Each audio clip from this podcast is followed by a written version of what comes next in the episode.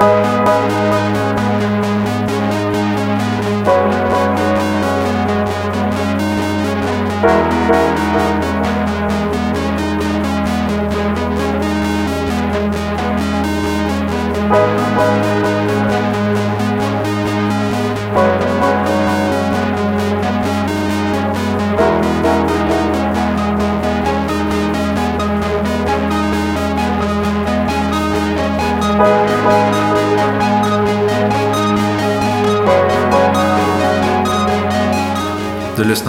på med Christian Ramirez. En plats för samtal om det allra svåraste i livet. Välkommen!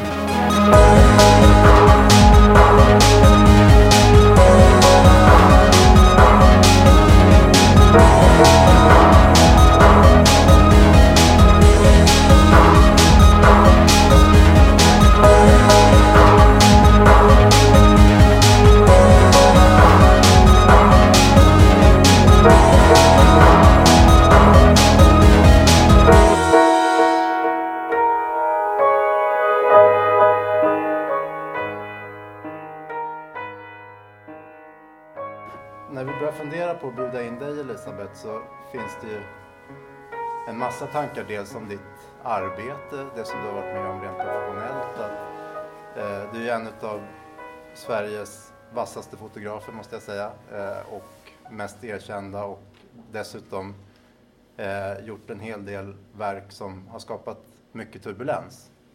Eh, men jag tänker också att det här samtalet får handla om en tid som var innan du eh, hamnade i den turbulensen. Och eh, en, en värld och en tid som kanske idag är någorlunda tagen för givet att vi lever i en annan tid. Att, att personer har rätt att älska den man vill älska och leva med den man vill. Eh, men så var det ju inte då egentligen. Eh, eh för dig och för många andra. Eh, så jag tänker att vi kommer också hamna i den historien. Eh, och jag är jätteglad att, att få ha dig här. Eh, men hur tänkte du när du tackade ja till det här samtalet? Sorg kändes direkt som något som vi måste prata om. Och sorgen också någonting som gör att jag är kreativ. För att ofta så kommer idéer ifrån mitt skapande utifrån någon slags sorg. Det kan vara sorg över någonting som är orättvist. Det kan vara sorg över någon som har det svårt. Oftast så är idéerna där. Så att sorg tycker jag är jätteviktigt att prata om. Kan det också vara ett sätt att bearbeta sorger? Att, att använda det i konsten också? Eller? Ja, det tror jag. Nu pratar jag mest för mig själv, men jag är ju född på 60-talet, 1961, där man uppfostrades på något sätt att sorg var någonting, i alla fall där jag, där jag växte upp på min släkt och så, att sorg var liksom, inte tabu att visa, men det var någonting som var väldigt privat. Eh, att det var få gånger jag såg min mamma och pappa gråta eller min släkt eh, gråta öppet, att det var någonting som man stängde där, att man inte fick störa någon i sorg. Om någon hade mist någon så, så skulle man helst prata om någonting annat. Mm än just den som hade dött till exempel, om vi pratar om den sorgen. Och eh, jag tror också då att, att blir man uppfostrad så och sen hamnar i ett, i ett läge där man vill skapa så, så, så, så står ju det som man har blivit hindrad för att känna mm. är någonting man vill utforska eller någonting som blir viktigt för mig då. Mm. Eh, men om vi då eh, nu har jag hört att, att just efter, anledningen till att det skapade Ecce Homo till exempel, det, mycket av det bottnar i det som du fick uppleva bland dina vänner under HIV-epidemin i, i Sverige. Eh, hur, ja, vad var liksom fröet till det? Ja, innan alltså, jag får nästan göra lite lång historia. Gör det, men jag, jag har ganska mycket tid.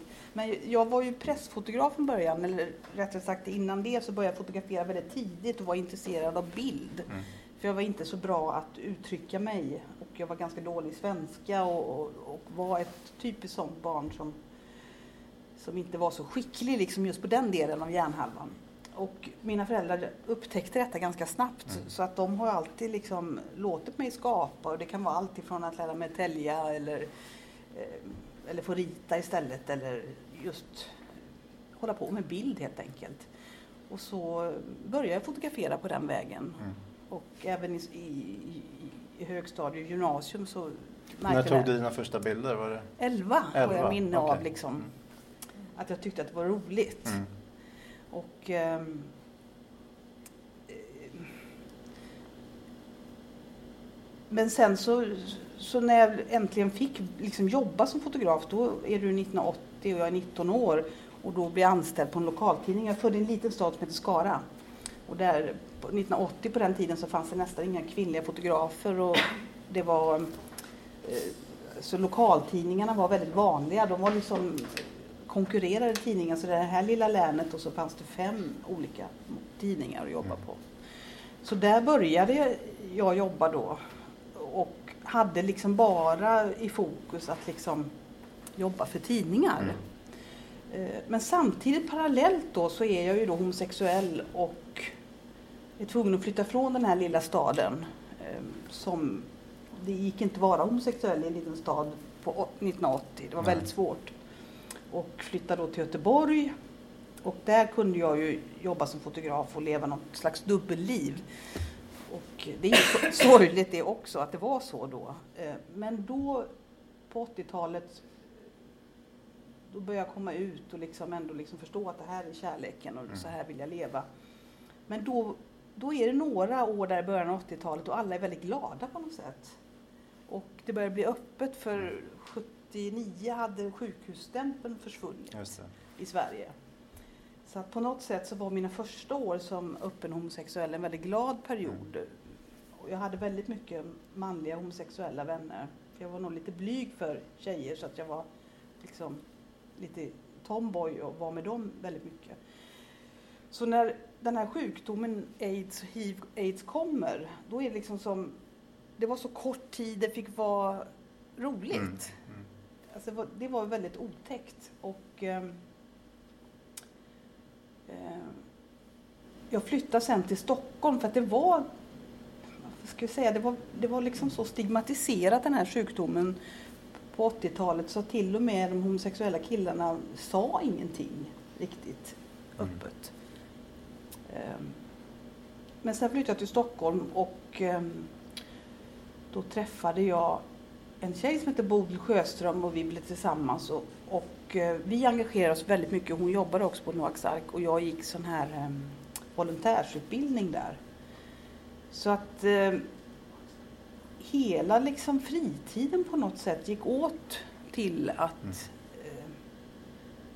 ehm, Och Noaks Ark, det var en stiftelse för... en stiftelse, ja. Som, och då fanns det på den tiden så var det så stigmatiserat och, och så hemligt så att det fanns ju ett, något som heter gästhemmet på översta våningen där det fanns då olika rum där de sjuka kunde sova i och bo. Och man, kopplade om, man kunde då koppla om telefonen så att föräldrarna trodde att de ringde hem till, till den här killen då. Eller till den sjuka. Det var ju mest homosexuella män på den tiden. Mm.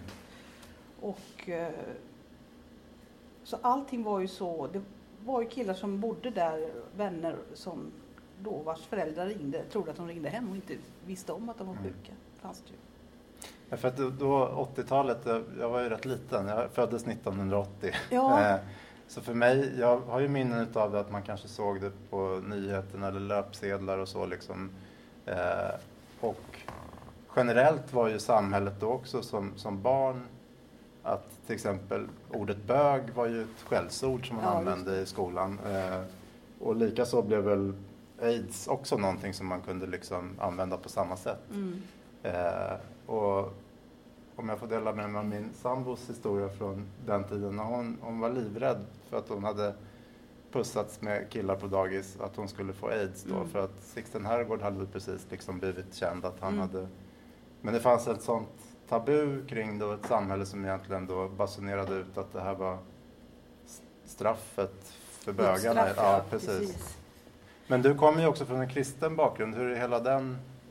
Har, har du känt liksom att det var Ja, det var, kom en löpsedel faktiskt 87 där det stod att det är bra att bög... Det är bra... Nej, jag som alltid har kunnat den. Det är bra att de dör, stod det ja. Mm. Att bögarna dör.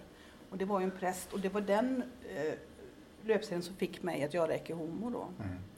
För då, jag hade ju suttit till exempel en nyårsafton vet jag på SÖS och firade.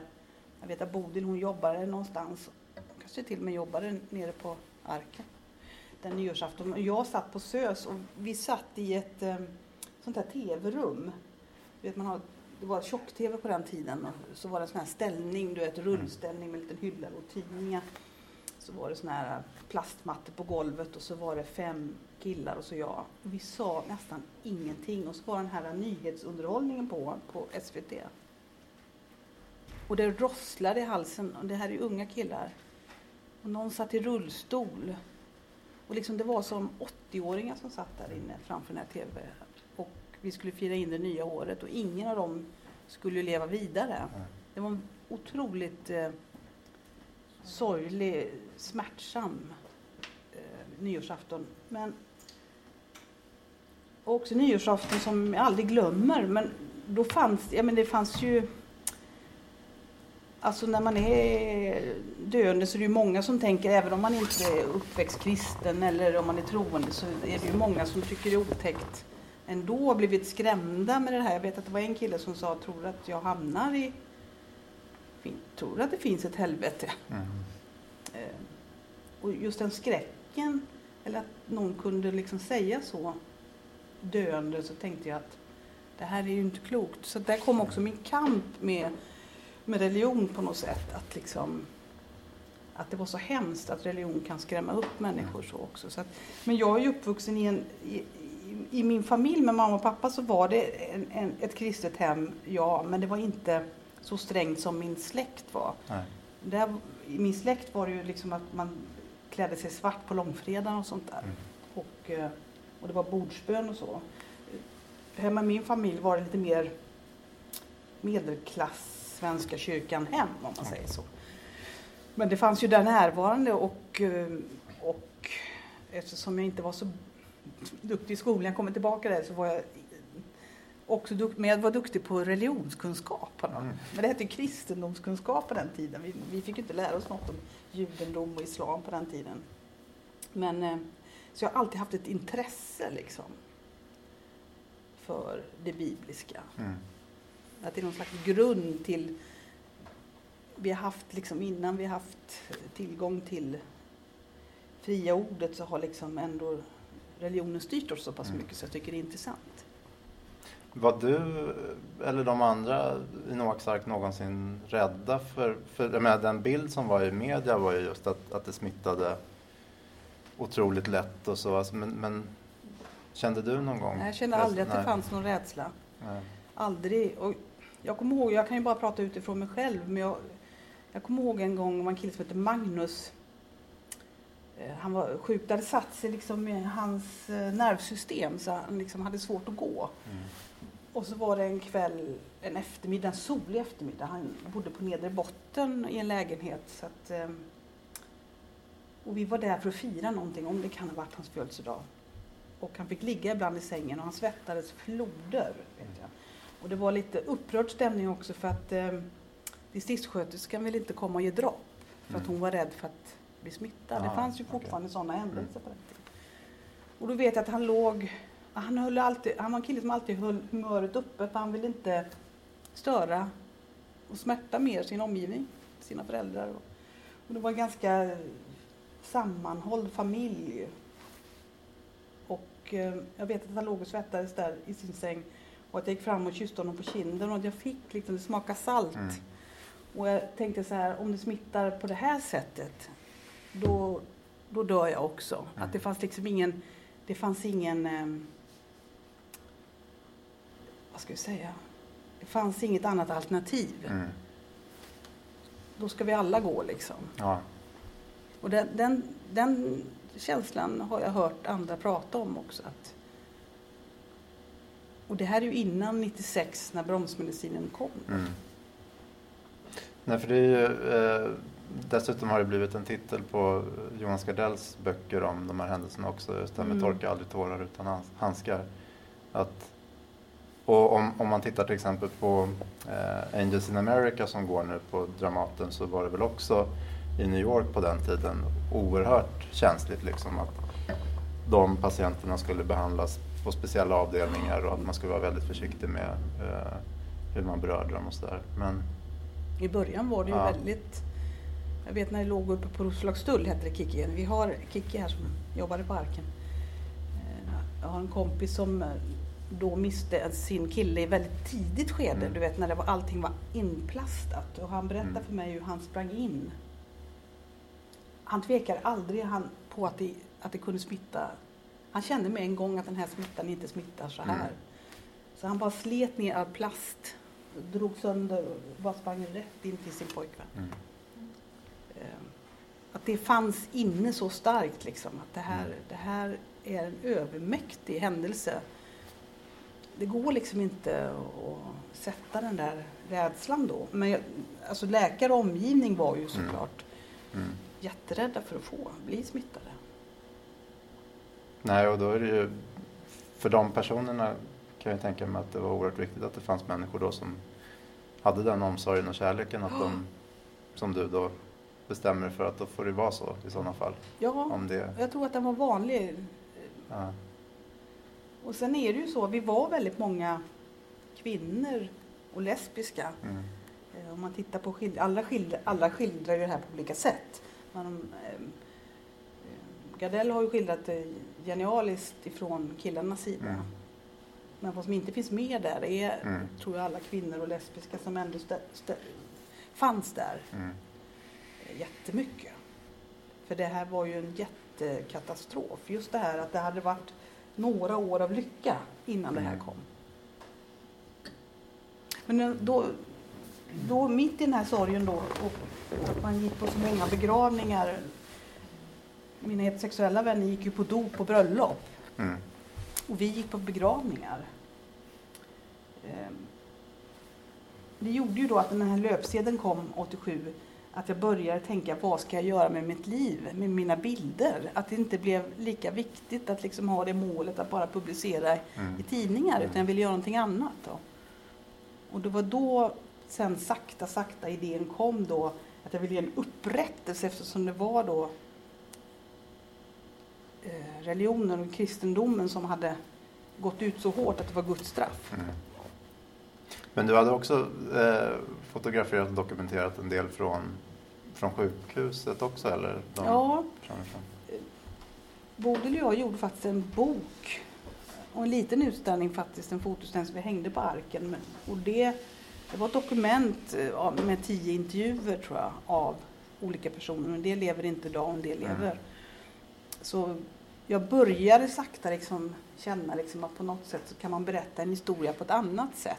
Mm, Och jag tror också att jag fick också kontakt med läderbögarna i Stockholm för de behövde en Safe Sex-broschyr. Det var ju liksom så mycket där. Mm. Säkrare sex och hbtq-kulturen var väldigt duktig på liksom att sätta sig in i detta. mm, Hur, hur ska vi bromsa det här och, och skydda det här liksom på något Mm. sätt. Men sen så, så, så kom min söndagsskola tillbaka så tänkte jag då att jag skulle göra en upprättelse för de som dog, att det inte var Guds straff. mm, Det var liksom det. Jag ville ge igen dem det där på något sätt. Att det, jag kan inte förlåta det nej. på något sätt. Och det blev ett jäkla liv. Ja, det blev det. Men då gjorde jag ju den. Jag var ju så oskuldsfull. Jag skulle ju aldrig kunna göra en sån kärleksfull utställning igen om du förstår vad jag menar. Mm. Det gör man bara en gång när man inte vet vad som ska hända. Mm, Så jag är så glad för de bilderna och känner en ödmjukhet. För det är så, det är så mycket känslor i de bilderna även om en del kanske inte förstod det utan blev mest upprörda. mm, Så att de, men de som förstod bilderna förstod så mycket och liksom grät mer av synen av dem för att det var så långt förtryck som helt plötsligt Mm. fick, fick eh, balsam på något sätt, någon Mm. själs... Att man blev sedd som person. Som, Och de som du fotograferade, de som stod modell, var det vänner från... ja, det var vänner. Eh, jag bestämde mig ganska snabbt att inte använda professionella fotomodeller till de här bilderna. Utan, och det har mycket att göra med att jag hade jobbat med journalister och, och, och eh, tidningar och jobbat som pressfotograf. Att jag ville i, i bilden skulle finnas en verklighet. Mm. Så om man tittar på den bilden, det är en, en bild som är tagen som ser ut som Michelangelos Pietà. Där, eh, det är alltså jungfru Maria som håller Jesus så här. Och det är en grön, eh, hon har en grön sjukhus, Maria, sån här operationsduk på sig. Och så ligger Janne där i, i famnen precis som Jesus. Och eh, den är tagen framför avdelning 53. Och det var den sorgligaste bilden vi tog för Janne var ju så sjuk då. Den togs innan, precis innan medicinen kom. Och Janne hade valt, jag hade olika Jesusar på alla bilder. Mm. Och eh, varje Jesus då fick välja vilken bild de ville vara med i. Då ville han ha den som ett minne av sig själv mm. efteråt. Just Petan. Så när vi samlade oss där och skulle ta den här bilden på Södersjukhuset då var vi alla inställda på att Jan kommer inte vara med på vernissagen. okay. Så det var vi. Så den, den, just den fotograferingen var väldigt sorglig. Vi var ganska tysta och eh, jag fattar fortfarande inte hur vi fick ta den här bilden inne på SÖS. Mm. Det skulle inte gå idag. Men eh, det blev den här starka bilden utanför den här dörren då. Det var så att avdelning 53 på SÖS var den avdelningen där jag och mina vänner tog avsked av våra vänner. Det var mm. där bögarna dog och avled. Mm. Så det var en väldigt speciell dörr och den hade de lagt lite på sidan av sjukhuset för att föräldrar skulle kunna ta en annan ingång. Det var ju fortfarande så himla hysch Just det här med föräldrar och söner då, som mm. var bögar. Så att efter de var döda så fick många inte vara med på dödsannonserna heller. Pojkvänner och så. Utan då klipptes banden direkt. Okay. Och man sa att man hade dött i cancer eller någonting annat. Mm. Eh, så det var ju stigmatiserat. Men den här bilden tog vi då framför avdelning 53 och eh, det enda som är fantastiskt med den bilden är att Janne lever. För bara några månader efter vi har tagit den bilden så kommer faktiskt, 96 kommer eh, bromsmedicinen mm. och den biter på honom, mm. alltså den tar. Så han lever idag. Däremot så dog Maria. Okay. Mm. Fick han vara med på vernissaget då? Eller var han... Ja, han var ja. med på vernissaget. Ja. Vi har fortfarande kontakt och det är jättefint. Ja. Så det är, det, är en, det är ett glädjeämne, även om det var väldigt mycket sorg då. Att, att liksom ta farväl av honom med den bilden var ju väldigt annorlunda. Liksom. Jag tänker på det du sa där med just att det var så stigmatiserat och med, med dödsannonserna och sådär. Var det även så liksom att det var många som inte blev begravda av sina familjer av samma anledning? Eller alltså att, det, att man var ensam med sin... Det fanns det säkert. Eh, de som jag kände som gick bort det var både och. Det var både och. Jag menar, Magnus hade en jättestöttande familj mm. runt honom. Men sen fanns det ju andra som direkt eh, ringde och sa att du får inte använda den bilden, eh, okay. hans riktiga namn, i den här lilla boken vi gjorde först innan Ecce Homo. Där ringde hans mamma upp och sa att ni måste byta namn. Så alltid mm. när jag ser den där boken tänker jag liksom att han fick inte ha sitt rätta namn. Och, och det kändes som en svek att jag svek ja. honom också. Idag känns det ju så. Men det, mm, ja, det var väldigt stigmatiserat. Men de ville ändå ställa upp på de här bilderna då fast det var så pass stigmatiserat också? Ja, absolut. Ja. Och det kunde vara så att familjen var med på det när de levde, mm. men sen när någon dör mm. så, så, förändras ju allting. Mm. Det, vet. Det är ofta så när någon dör. Det blir alltid annorlunda då. Då är inte alla likadana som de var innan. Nej, för jag tänker på generellt så kanske det också var så att man inte ville bli fotograferad som just homosexuell, att det skulle Nej, fram... ja, men det, ja men det fanns ju också. Ja. Det, det, är så tråkigt för att jag har ju inga bilder på människor eh, nästan hela 80 och 90-talet innan mm. jag gör Homo då. Mm. Där började jag fota 95 och sen visade sig 98 då. Men jag har, liksom in, jag har bara fyra bilder från RFSL-lokal i Göteborg. När några mm. står och dansar. Det är allt jag har på människor. Och sen har jag ju såklart på några av mina vänner som är sjuka då. Mm. Det har jag. Men jag har liksom in, det finns folk var så hemliga Mm. och i garderoben på den tiden så att det finns ingen, vi hade inte iPhones. Så att det märktes, om man tog med sig en kamera så Mm. märktes man ju. Och, och tog man en bild på ett, eh, en klubb eller någonting så här så kunde jag ju riskera, alltså Mm. kunde folk gå fram, du får inte fota här. Mm. Alltså, jag jobbar ju på banken, vad tror du? Liksom. Ja, det. All, det var en väldigt sån stämning så att det finns väldigt lite dokumenterat.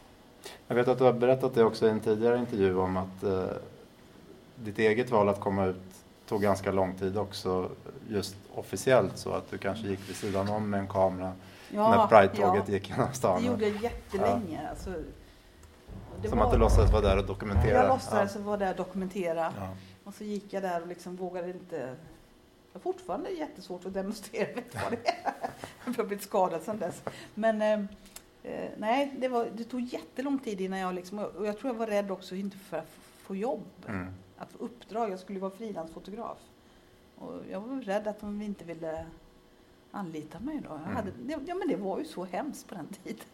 Så med Ecce Homo, då var det liksom, då var hela den. Då kom jag ja, ut över ja. en natt. Så Mm. det var ju inget, då fanns det ju inget att gå tillbaka Nej. och försöka gömma mig igen. Utan Nej. då var det ju kört. Så det var, det var ju väldigt eh, omvälvande, Mm. hela den händelsen Mm. var det ju.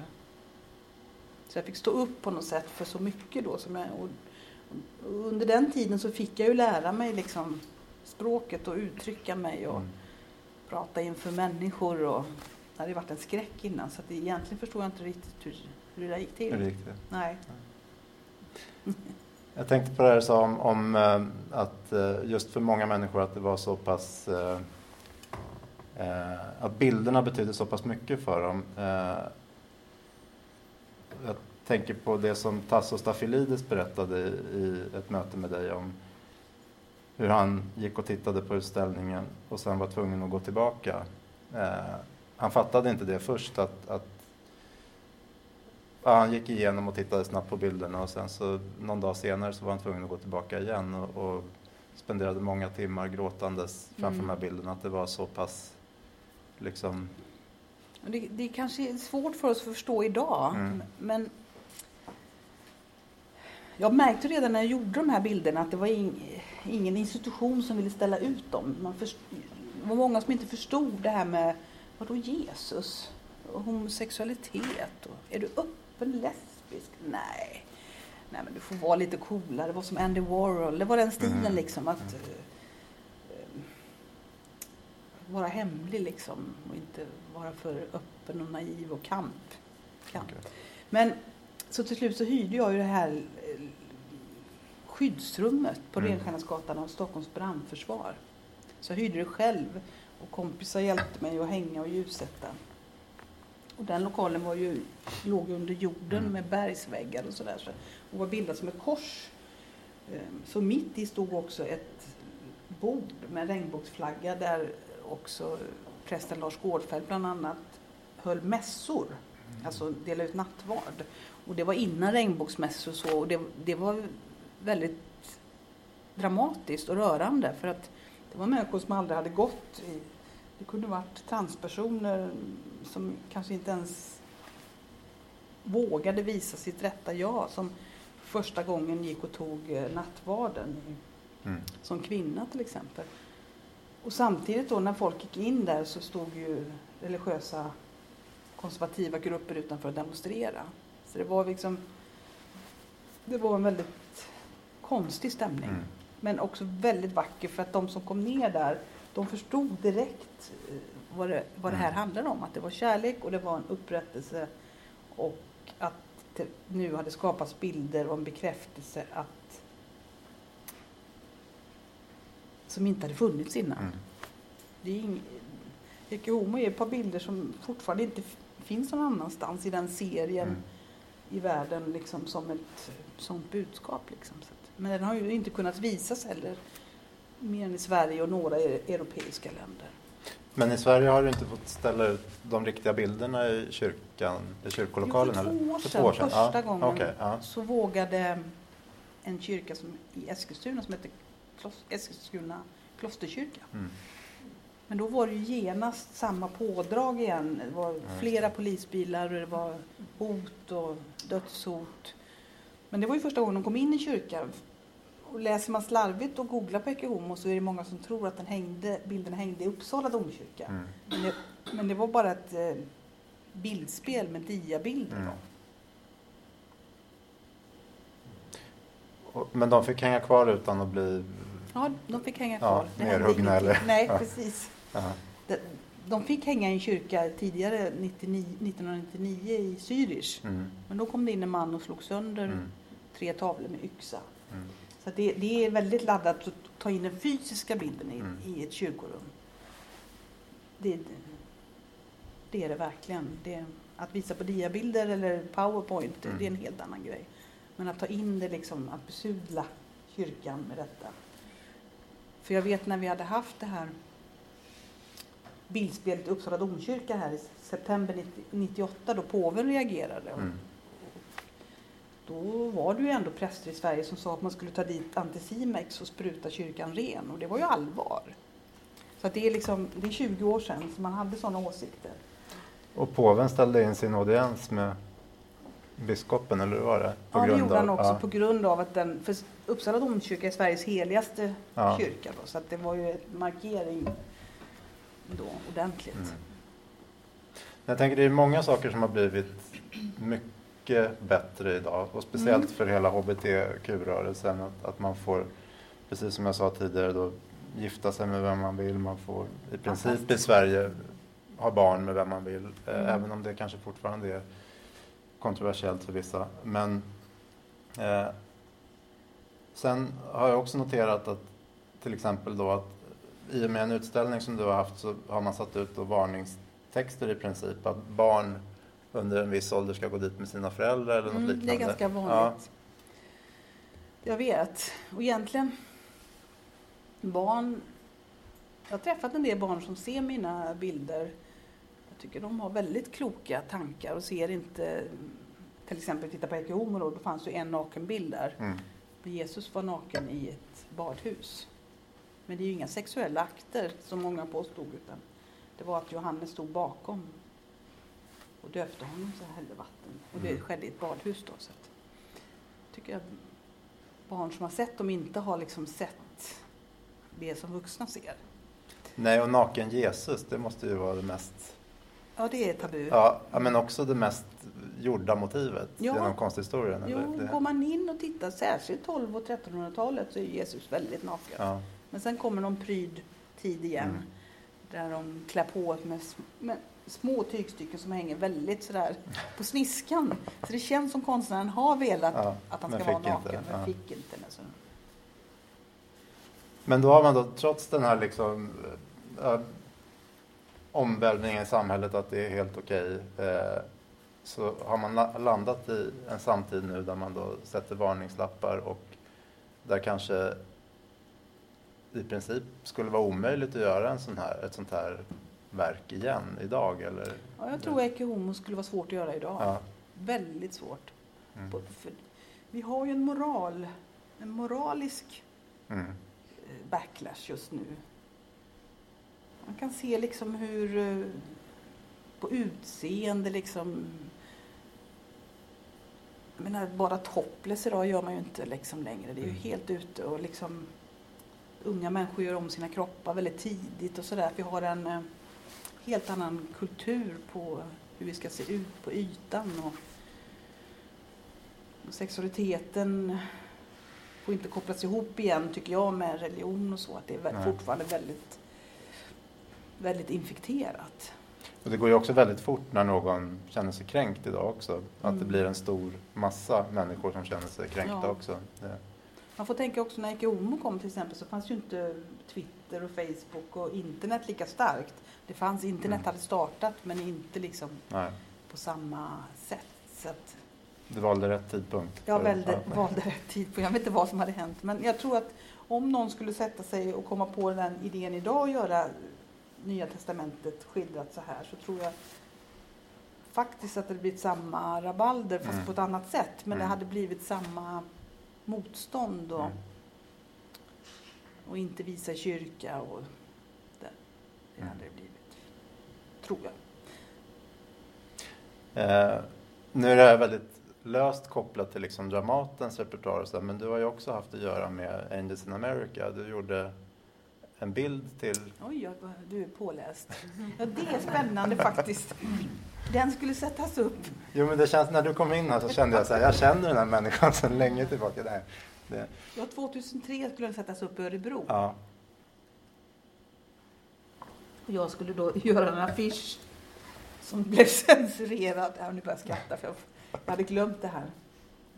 Nej, men då hade jag mina två fantastiska modeller, alltså vänner då, bögar. Och det, och det var ju olika, alltså Angels America är ju väldigt eh, mycket mer än framåt än vad Sverige liksom, Sverige har ju inte kunnat skildra det på det sättet. Nej. Men det är ju både liksom svarta och, och vita, alltså vithetsnorm och alltså det var Och det judiska också. judiska ja. också. Så att jag lägger en, Mm. en, en mörk Jesus i botten och så ligger det en ljus Jesus kan man säga på sidan då. Mm. Och så bildar det krucifix och så tog jag den uppifrån. Mm. Och den bilden tyckte jag, oh, men det passar precis Angels of America. Liksom. Ja, det är mycket det det handlar om. Ja, korset, precis, ja. religionen. Eh, Men då, det slog bakut så den fick inte göras. Så då kom regissören in med två nya heterosexuella män som fick ligga sked, två vita män. Då. Som låg sked, jag glömmer det aldrig. Och hade det varit idag hade jag aldrig gått med på det. Nej. Då hade jag slängt ut. Mm. Men jag har också en väldigt eh, snäll sida på något sätt. Jag är blyg också som person. Mm. Så att jag har svårt för konflikter. Då. Mm. Men den bilden är jag jätteglad för idag. Den heter bara Krucifix, den bilden. Mm. Och den, visar, den har det varit ett jätteliv om i vintras i Österrike. Jätteliv alltså. Hur kommer det sig? Det var... Jag, jag vet inte, de hade en stor debatt om äktenskapsrättigheter och så visades den då. Och de hade ju aldrig sett den. Så då hade de en jättedebatt i över en, ja, två månader tror jag fram och Mm. tillbaka och hade den där bilden. Och det är roligt också när bilder blir liksom någonting som för ibland kan jag tycka att det, det är vissa bilder som fattas. Jag, bruk, jag, jag brukar känna själv att jag försöker göra de bilder som fattas, Mm. som jag saknar. Och ibland får jag kritik för det, för det, det, det jag brukar kallas för plakatkonstnär och så. Och jag, det, det gör ju egentligen ingenting att bli kallad Nej. för det. Men det är ju oftast för att jag använder liksom förlager som är bibliska och så och gör väldigt tydliga bilder. Men jag är väldigt glad då när bilderna kan användas och så att det blir ett samtal, en debatt och som det Mm. blev i Österrike. Att bilderna kan tas från Mm. nätet och helt plötsligt så kan det blossa upp någonting som ändå för en dialog ja, fram. Ja. Ja. För det är ändå en styrka i bilden. Mm. Att, ja. Nej, jag tänker på samtiden nu också när en, en blå penis på Kungsholmen blir rabalder. Ju, ja, just det. det är en sån, sån speciell tid vi lever i samtidigt som så mycket som sagt har blivit ja, helt normalt. eh, Mm. Som inte var det då när du gjorde det där. Men det känns som Ja. bilden och konsten är, har blivit farlig igen. Mm. Om man, nu är det väldigt en, enkel tes, men på 30-talet till exempel Hitler, han tog ju, konstnären var ju de man tystade först. Mm. För det är den farligaste delen, för den är liksom, påverkar ju folk utan begränsning. Mm. Liksom. Den är så effektfull. Och på något sätt så, så känns det mer som att se- sexistiska bilder på kvinnor till exempel kan flöda hej vilt Mm. utan att någon reagerar. Mm. Men om någon gör konstverk på en blå penis då, då, då, då, då slår det bakut. Mm. Att det finns liksom liksom som porren styr. Jag tänker, har, har dina bilder visats i Italien någon gång? Eller? Nej? Ja, det jo, Ecce Homo visas faktiskt där men under grund. Alltså, det var en anarkistisk förening Aha. i Rom som tog sig an de här bilderna som hade ockuperat ett gammalt fängelse, ett fort. Där visades de i en fantastisk Mm. lokal i en källare då. Men det var en helt annan stämning för när jag kom dit och så sa jag så här, är det säkert här? För jag hade så mycket hot då. Mm. Är det säkert? Ja, du kan vara helt lugn, det är inga poliser här. Så allting var ju helt upp och nervänt. Jag vet att det var stora marijuanaplantor så här som växte på när vi hade presskonferens. Det var helt fantastiskt på något sätt. Men eh, så annorlunda. Men det var så fint. För eh, jag vet att eh, Silvia Riveres var där. Det var, var den transkvinnan som Mhm. startade Stonewall, en av dem som kastade första stenen kan man säga. Mm. För det var, det var samtidigt var det jubileumsår, man firade Jesus för fullt i Rom. Och samtidigt så var det då World Pride i Rom, så det var en otrolig Mm. krock. Men Mm. den visades totalt utan... Vi var ute och affischerade på nätterna, så här stora affischer som jag hade tryckt upp. Ja, okej. Mm, där vi hade skrivit då adressen. Så här. Mm. Mm. Fint minne.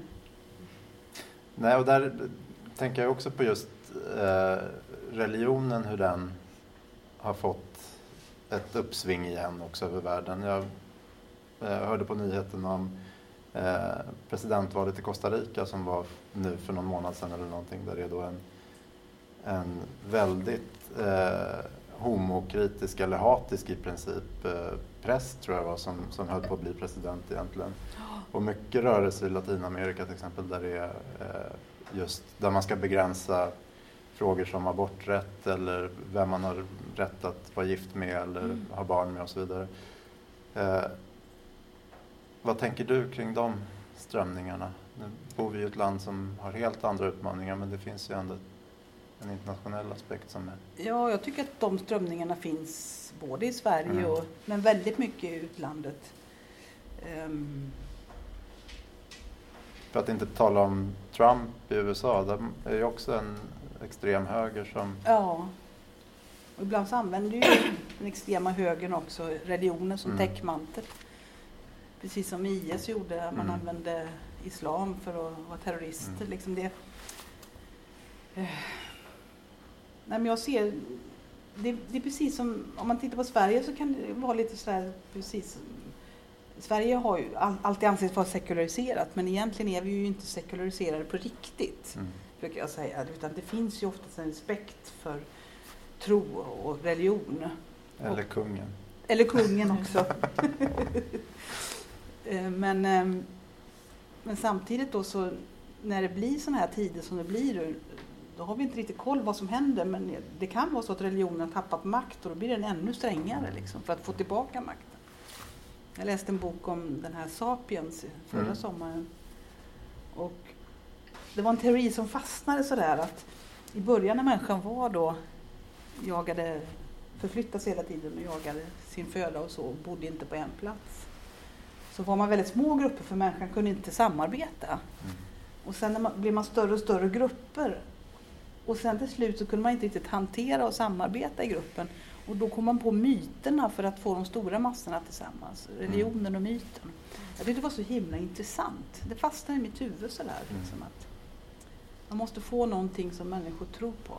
Men jag har respekt för, för, för religion jättemycket och, och jätteintresserad. Mm. Sen är min tro kanske inte så stark men jag tycker det är spännande. Mm. Jag tror människan behöver tro på någonting. Och ehm, det är viktigt. Och sen tror jag att själva dogmerna är det som vi måste bråka med. Mm. Alltså när, när religion tar över våra liv på ett otäckt Mm. sätt. Nej, precis. Och det är ju...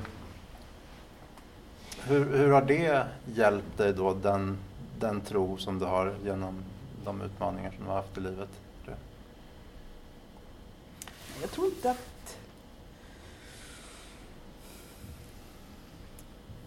Nej, jag har inte använt tro på det sättet. Nej. Att jag hämtar någon slags kraft. Däremot så ser jag... Jag tycker tro är väldigt mycket om kärlek. Även om det låter väldigt slitet så handlar ju det om någonstans man ska res- respektera varandra. Mm. Då funkar allting ganska bra om, om, om, om det får gå först. Liksom. Mm. Det har hjälpt mig mycket tycker jag. Ehm, Att tro, tro gott om, om varandra, det, det känns, ett möte med människor är det som får mig att gå framåt tror jag. Och hålla mig uppe. Mm. För jag tänker också då under den tiden då det var en sån turbulens, det har varit det ibland med mina bilder, så har jag alltid haft stöd från vänner och sådär.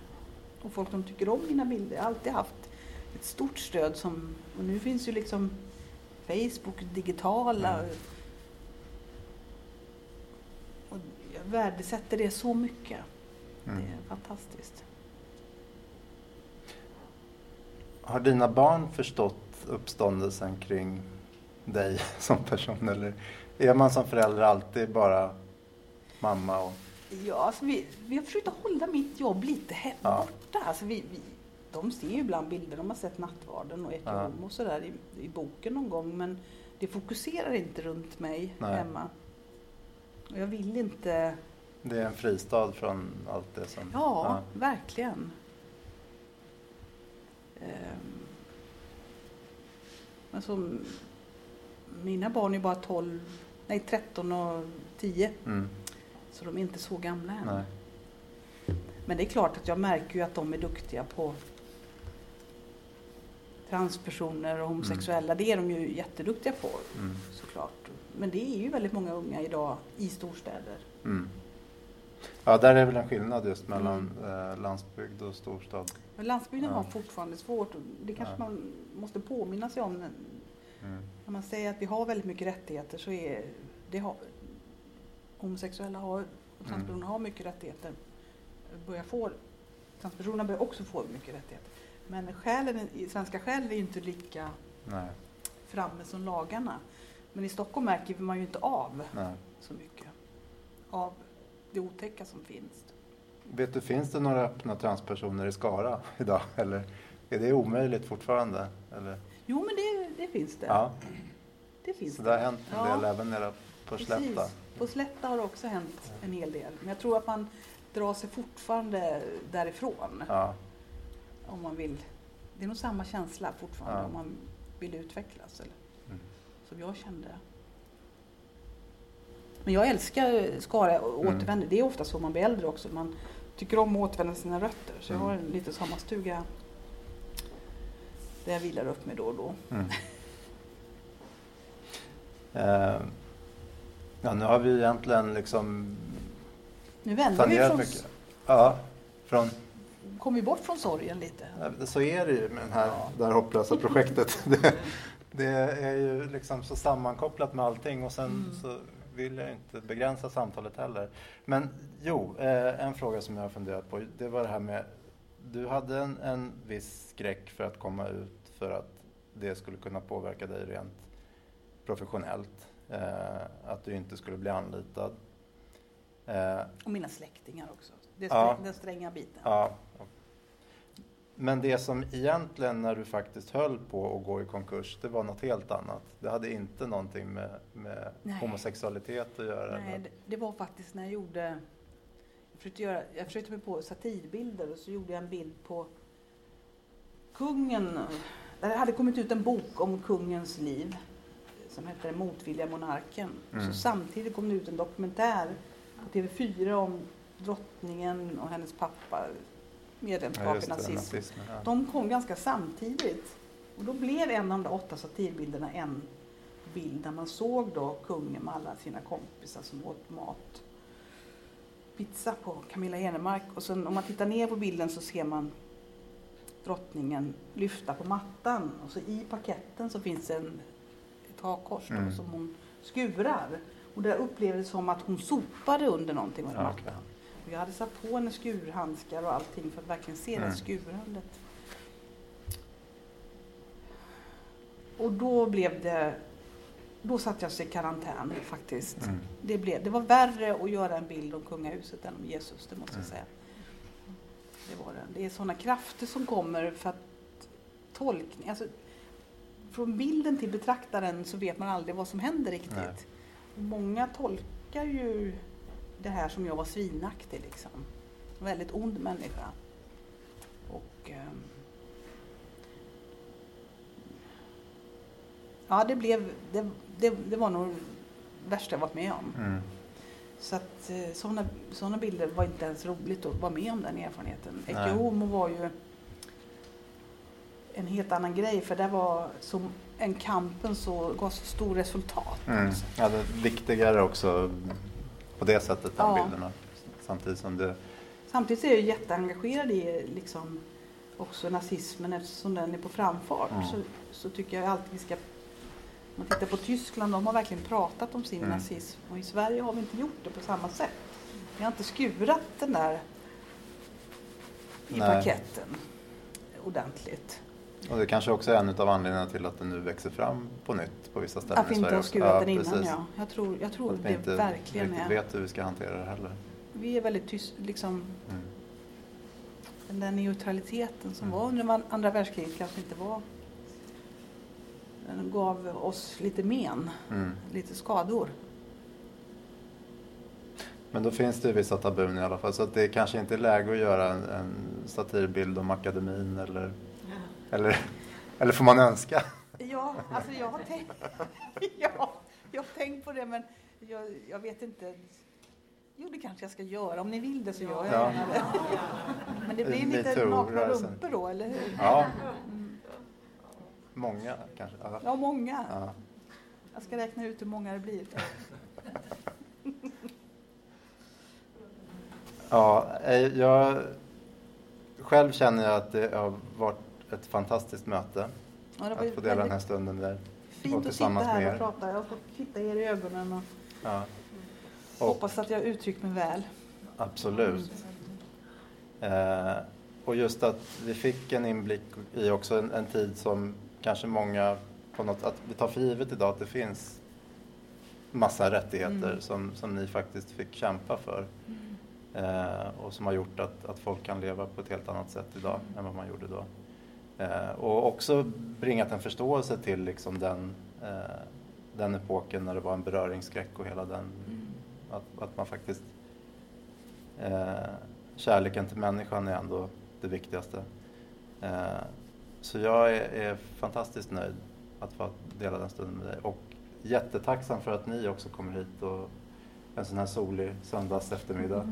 Jag är lika förvånad varje gång att det kommer folk när det är så här, just när man annonserar ut att det är ett samtal om sorg. Men det är ju som sagt så mycket mer än det. Så stort tack allihopa. Tack, tack.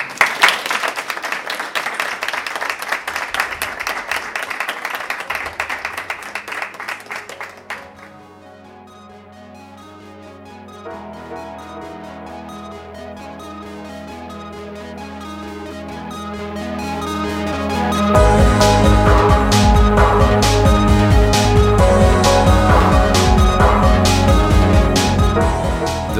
på Sorgpodden med Christian Ramirez. En plats för samtal om det allra svåraste i livet. Tack för att du lyssnar.